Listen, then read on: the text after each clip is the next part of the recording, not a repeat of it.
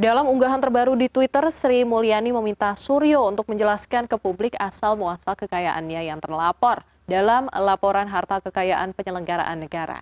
Pernyataan ini dikeluarkan Sri Mulyani lantaran publik menyoroti peningkatan kekayaan Dirjen Pajak dalam beberapa tahun terakhir. Ya, menurut situs LHKPN KPK, harta kekayaan Suryo pada tahun 2017 ini tercatat mencapai 6,13 miliar. Kemudian pada tahun 2021 hartanya melonjak sebesar 8,3 miliar menjadi 14,4 miliar rupiah. Selain itu, Sri Mulyani juga meminta klub motor besar pegawai pajak yang bernama Blasting Rider DJP dibubarkan. Menurut Sri Mulyani, gaya hidup mewah melanggar asas kepatutan dan kepantasan publik.